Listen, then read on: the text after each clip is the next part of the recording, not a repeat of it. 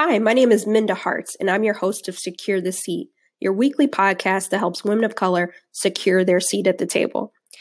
And you might be thinking, you know what? I don't want to sit at anybody else's table. Or you might be thinking, it's time I secure my seat at my company's table. Regardless of what avenue or modality you choose to advance your career in, you have to secure your seat. So if you're building your own company, there's a seat you have to secure. You b- bring people with you, you build, you grow. There's tools you need in your toolkit to be a successful leader. If you're in a company right now or an organization, and maybe you've been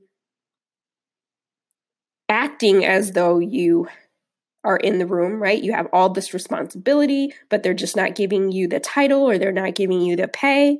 You're figuring out how do you break through.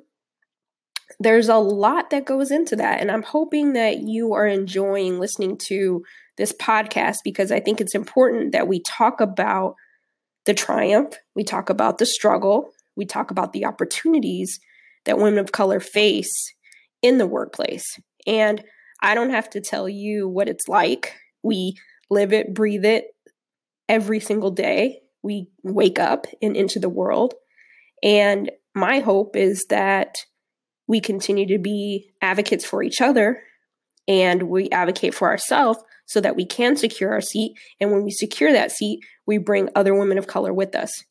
Because as I always say, it's not enough for you just to get to the table and kick your feet up. You got to bring people with you.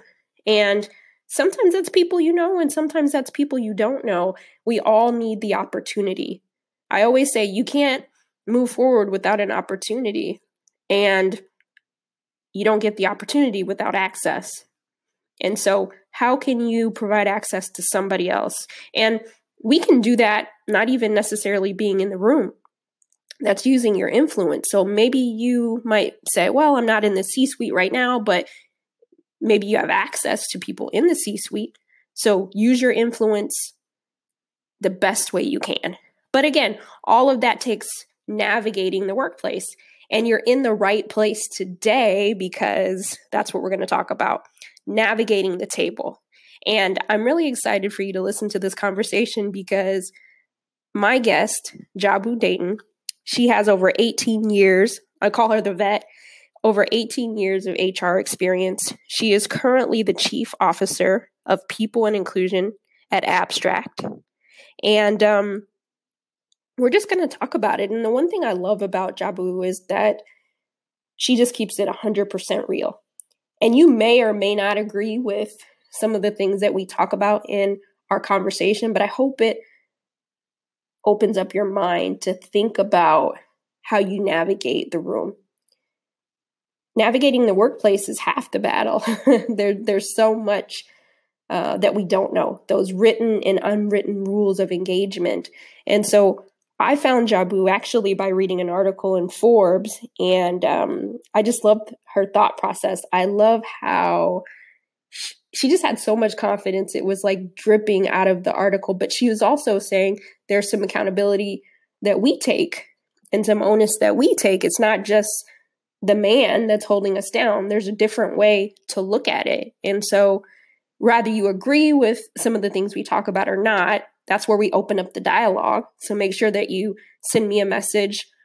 I'm most active on Twitter at Minda Harts, but you can also shoot me an email, minda at mindaharts.com. Real easy to find. And I want to know what you think about our conversation because it's so important. But I know that you're going to get some great nuggets and a good push to secure your seat after you hear the conversation with Jabu. Welcome to Secure the Seat. Thank you so much for having me. It's, it's really a pleasure. Great. Well, I would love for you to tell our audience a little bit more about you before we dive into the fun questions that we have today. Perfect. Um, my name is Jabu Dayton. I'm probably an 18 year vet of human resources and people operations. Uh, currently, I work for a small startup called Abstract, and we are hiring, just a plug to put out there. Um, and I am now their chief people officer, um, or excuse me, chief officer of people and inclusion. New title for me.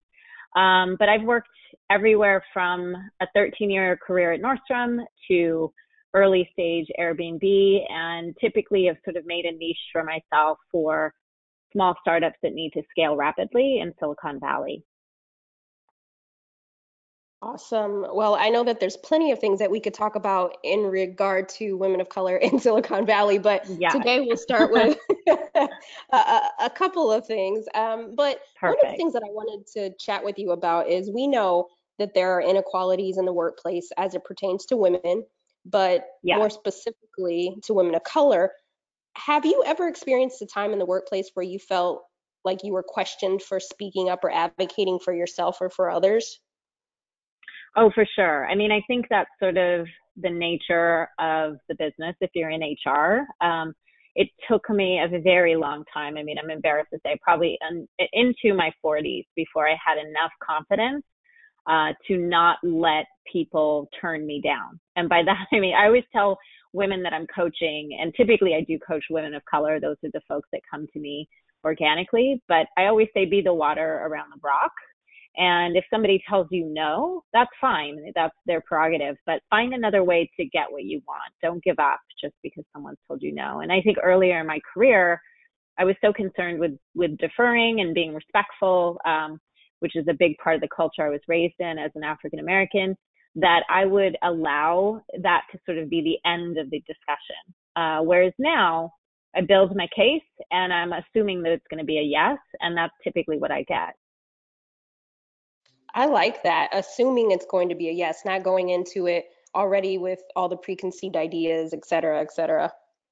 That's exactly right. I, I work a lot with my um, uh, the women that I support, which is generally pro bono. I do work in, in spaces that are often lacking in diversity until I get there, quite honestly. Um, but, you know, we work a lot on disciplining how you think about the things that you want and what you're trying to achieve um, how to be more expansive and how to not accept that no. So a lot of that means, you know, disconnecting that mind, or excuse me, the voice in your mind that tells you all the things you need to be worried or concerned about. Um, just literally disregarding it and focusing on building the best, strongest case you can with the data and metrics you need. Um, and if you come forward and you haven't done that and you get a no, then knowing that that's your own fault and going back to the drawing board and coming back stronger. Um, but if you look at how people move in the business world, um, you will find that they won't they they they don't take declines uh, to heart the way that we sometimes do. Uh, they take them as opportunities to just get better, and that's how I try to coach folks and how I internally coach myself. I like that. I mean, there was so much to un- unpack there, but one part of what I'm hearing is mindset. And I know as yeah. we secure our seat at whatever table, our table or somebody else's table, oftentimes mm-hmm. we have to learn how to advocate for ourselves. But then there's this mentality of, well, I can't advocate for anybody else because it's a me, me, me. What tips would you have to get people to unlearn that it's just kind of that self-centered aspect, but part of securing our seat as women of color is advocating for others as well? Mm-hmm. Very excellent question, Minda. Um, I think I'll give you a couple real life examples. Um, I had an executive for for one of the companies I was I was uh, consulting at, and uh, she was a white woman, and we were really pressing hard for everyone to be very inclusive in their hiring. And thus far, her team had no people of color on it, and so it was kind of easy to kind of point out that that that was lacking. And she did that herself. She called that out herself. But the interesting thing was that she felt very uncomfortable approaching people of color as a white woman. She felt that it would come off um, in in some way that was odd or disrespectful. It was interesting to kind of unpack this with her. But you know, I, I held my ground and I was like, listen, you're a marketing expert. You know how to cold call. You know how to approach people. You manage sales and marketing for the company do you really think there's anything different between talking to a white candidate versus a candidate of color? And just helping people sort of talk through these things in a very logical, pragmatic sense. I do believe emotion can be powerful, but I think, in particularly in my career, early on, I was often accused of being intimidating and angry and all the things that often gets associated with um, sort of determined and driven African American leaders. And I've learned to kind of um, moderate my approach where I'm utilizing those types of questions that, to evoke their own thought processes. And inevitably, they will get to where I need them. That sounds really arrogant, but they will usually get to where I want them to be, which she did. Like she realized how silly that sounded. Uh, but more and more, I just realized that a lot of people that I work with who happen to be white don't always have friends or women of color in their life. So they, they think we're some mysterious different type of person that is challenging to reach out to. And of course, that's not the case. So it's just kind of ground setting, level setting, and not letting them sort of hide behind their own fears or fragility. Really looking at it head on, like what can we do to support you to do this? Um, of course, it's something you can do.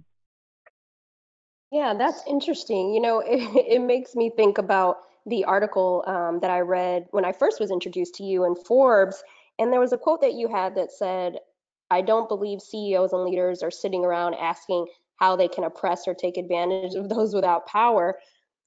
You know, in that same vein, some might push back mm-hmm. and subscribe to this old adage, adage that they don't want us to win. You know, what mm. would you say to to women of color? Because in that yeah. situation that you just talked about, one would think, oh well, she might not be trying or she doesn't want me to win because she's white or mm-hmm. this, that, mm-hmm. and the other. But you know, mm-hmm. some of that we're projecting and some of it is real, right? so I'd love to For hear. Sure. Yeah, your yeah. I think in a capitalistic society, it, it's a winner that wins. And it, I know that sounds really awful in, in some respects, but we need to worry. I believe, as an African American woman and woman of color, I am no longer concerned with what they think about me. Um, if they do not appreciate my approach or the data and metrics I'm bringing to the table or the pitch that I'm making, that is completely fair. Um, but I don't wait for people sort of to acknowledge my right to exist or my right to win. I will win regardless. And that's a huge shift in personality and sort of tone from me. And you can probably hear it in my voice. I was not, I mean, even just, let's just say five years ago, I'm not, I was not this person. So it's been really intensive and daily working on my own sense of self, my own confidence in my abilities. But I now feel like I can bring something to the table that no one else can. And I'm not going to apologize for it. And I don't really care if you want me to win or not. Now, obviously, not everyone at every stage in their career can can be so cavalier about it. So I totally get that. Um, but again, I, I just I don't think that it serves us to think too much about how many people don't want us to win because it is a reality. There's there's there's definitely people who are out there to even harm us, as we've seen most recently in the news. Uh, that that is no there's no doubt about that. But to live your life and to be happy and joyous in in your day to day existence, there has to be a place where you can put that and and move on in some real way. And half of the time, I think I'm just ignoring that reality so that I can get on to what's important to me. So it's a little bit of a selfish, um, self centered aspect, I suppose. But it serves me really well because the more I used to worry about what they thought and if I was being appreciated and my work was being, you know, um, acknowledged, the less appreciation and acknowledgement I got. I don't know if that answers your question, but that's kind of I feel very strongly about that. Like we have spent our whole lives as as people of color trying to adjust and context switch based on white people's perception of us or someone in power's perception of us. Because I've definitely been in situations where this could be applied in the same way by a person of color to me. Um, and I think at the time is is now for us to move forward without taking their point of view into context as crazy as that sounds. I, I actually really like that because as you were talking, I was thinking of Audre Lorde, I am deliberate and afraid of nothing. Like mm. your deliberation in that. just yes, I love my her. Heart, my heart scream. So um, Thank that's you. really important. yes, absolutely. Yeah. And it's a progress. You know, I, I want to touch on something you said about if we were to have this conversation five years ago, you might not have said those mm-hmm. things. What was that thing that kind of reshaped your focus or mm, situation? Mm, thank you. Yeah. um, I was focused on external factors like whether they liked me or not. Like I was very angry and upset about not getting. Um, like I I know now um, the the times that I wasn't invited to sit at the table were the times when I had stepped away from the table, and that's a very difficult thing to admit to yourself. Uh, but if someone doesn't see you as a leader, it's because you haven't presented yourself as a leader. And I know I can just feel people hearing that and being like, that's not, you know, the case. And I would have told you that wasn't the case as well. But once I stepped away and I saw with perspective that I was really the type of person who was like, I just want to be, you know, doing good work and contributing and making the company better. I don't want to be in the spotlight. And in doing that, what I did was I took away the opportunity to join that conversation. And once I went back trying to, to still sort of clutch to it, that space was no longer available. Someone else had stepped into it. And that someone else um, then moved on into a position above me. And that was my own error. That was a strategic mistake. So again, like, I think that's just the benefit of getting more and more experience under your belt. When you start to see patterns and trends in your life where you always have the boss that treats you poorly, you're not getting the promotions you want. I mean, I spent 13 years at a company not getting promoted in any real, you know, real way. And I really had to start looking at myself. Why am I having the same experience over and over? And what I found was that it, it I was coming from a victim mentality that I had no control in the dynamics around me. And in reality, we have that control. If you don't have it where you are, you need to move on. Bottom line.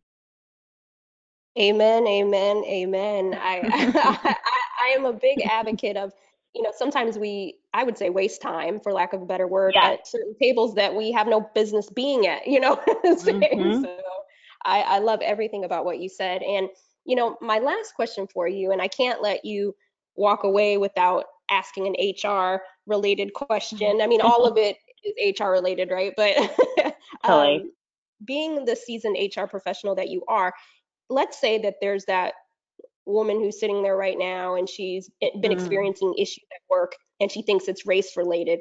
How would you suggest she move forward without burning any bridges? Because that's a thing too in, in the oh, workplace? Oh yeah. So at first I have to recuse myself and say I have burnt many a bridge. So in my life I've probably been fired about three times, maybe more.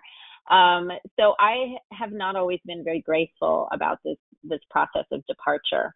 Um, if you know for a fact that that it is racially based, I think you do need to look at that and and try to decide is this something that you pursue through legal channels or are you better served to you know walk away and find something that suits you better? And someone who does not have that type of i call it a virus. I think racism is a viral issue um, and so i think it really depends i've i've been that person that hit that wall and i didn't have a way to do it gracefully. I just walked away and left it as it was. I've also been the person to hire a lawyer and try to pursue the, pursue it that way. So I have no judgment on how people do it, but I want people to put themselves first and really, without emotion as much as possible, look at what's going to serve them best.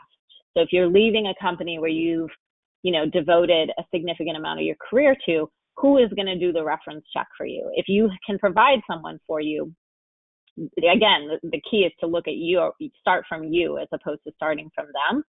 Um, use them in that capacity, which means you can't just burn that bridge. You have to facilitate some sort of polite, you know, departure that doesn't completely shatter that relationship so that you can depend on them for that reference check. If you don't need that, then you have less of a need to really worry about that. But again, I think we have just been socialized as women and people of color to really start from the other. And I want us to start from ourselves everything should serve you in your life. Every person in your life should either be teaching you something valuable to you in your future or supporting you to get to a valuable future. I really truly believe that. And that includes family and friends and anybody else. I love that. You know, we just went from podcast episode to masterclass like in zero to so, for real. I, I Don't it. get me started. but I think that's so important because we I, I just love everything you had to say because it's so important. Like sometimes we'll just sit there and just take it, take it, take it, take it, yeah. or um, and right. we have to learn to put ourselves first, and and sometimes yeah. that requires action legally, or that mm-hmm. requires us just saying the heck with this, and I got to leave this situation. So yeah, I'm glad that That's you right. talked about it from two different perspectives. Yeah, totally. Um, awesome. I think we may not have much time here, but I think it was also really important for me to develop some sort of spiritual practice and some practice that allowed me to gain a little distance from the emotion. Um, that actually helped me get more pragmatic and business minded. So, again, a little bit counterintuitive maybe for some people, but that was a huge shift in my life within the last five years. Oh, no, I'm glad you mentioned that because um, I think that's important too, like centering ourselves and utilizing rather mm-hmm. that you know, through church, meditation, yoga, whatever yeah, that might be, exactly. finding that yep. place. So I, I, love that. Yeah. And yeah. as you know, I am a lover of grits and rap lyrics, and uh, I have to ask. I know it's a weird combination, you know, but it's they're very important in my life. You know, I'd love to know what is one of your favorite rap lyrics and why.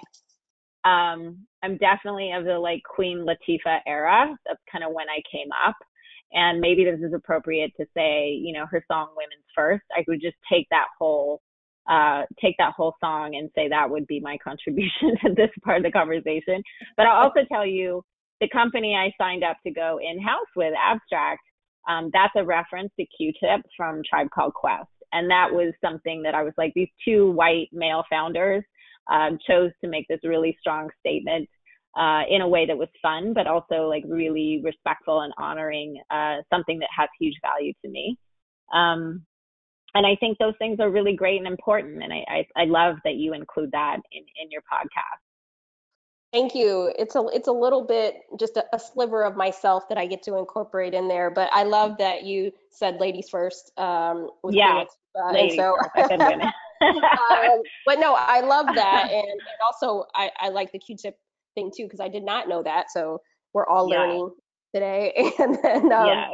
lastly, when I say secure the seat, what does that mean to you? Oh, that that just has that to me that's such a powerful phrase. When I think of what I would love to give women of color, it's it's some security, it's it's legacy wealth, it's something that you can give to your you know, or not your ancestors, but actually yes, your ancestors. I mean, I do think like whether we feel like we're completely where we want to be right now or not, or whether we're on the way to that, um, thinking about how proud your ancestors would be of you in this moment, but also what are you going to leave for the people that come after you? Uh, to me, that's what securing the seat is about. Anytime I get in a role, anytime I'm consulting, I'm immediately looking for ways to bring us into that space. And that's a personal commitment that I made to myself um, once I realized that I could you know, again, it's like don't wait for permission, take it. Jabu, what's the best way for our listeners to connect with you? I think the best way to find me is on LinkedIn. Um, and I also have a website, jabudayton.com. Perfect. Well, thank you for being my guest today. I really enjoyed the conversation. And you know that I could talk to you um, all day, but I know that our podcast listeners don't have all day to listen to me talk. So I appreciate you being here and uh, I'll talk to you soon. Thank you so much, Minda. It was a true pleasure. Thank you for listening today. Make sure that you go to the show notes, mindaharts.com. You'll find out all the information on Jabu, how you can connect with her. And then also Google um, Jabu Dayton and Forbes, the article that I originally learned about Jabu's work and just her all around awesomeness uh, was in that article. And so make sure that you check that out as well. And so the other thing I wanted to let you know is that on August 30th in New York City, uh, the memo, the company I run with my co-founder Lauren, we're hosting a happy hour. So that's in New York City on 8:30.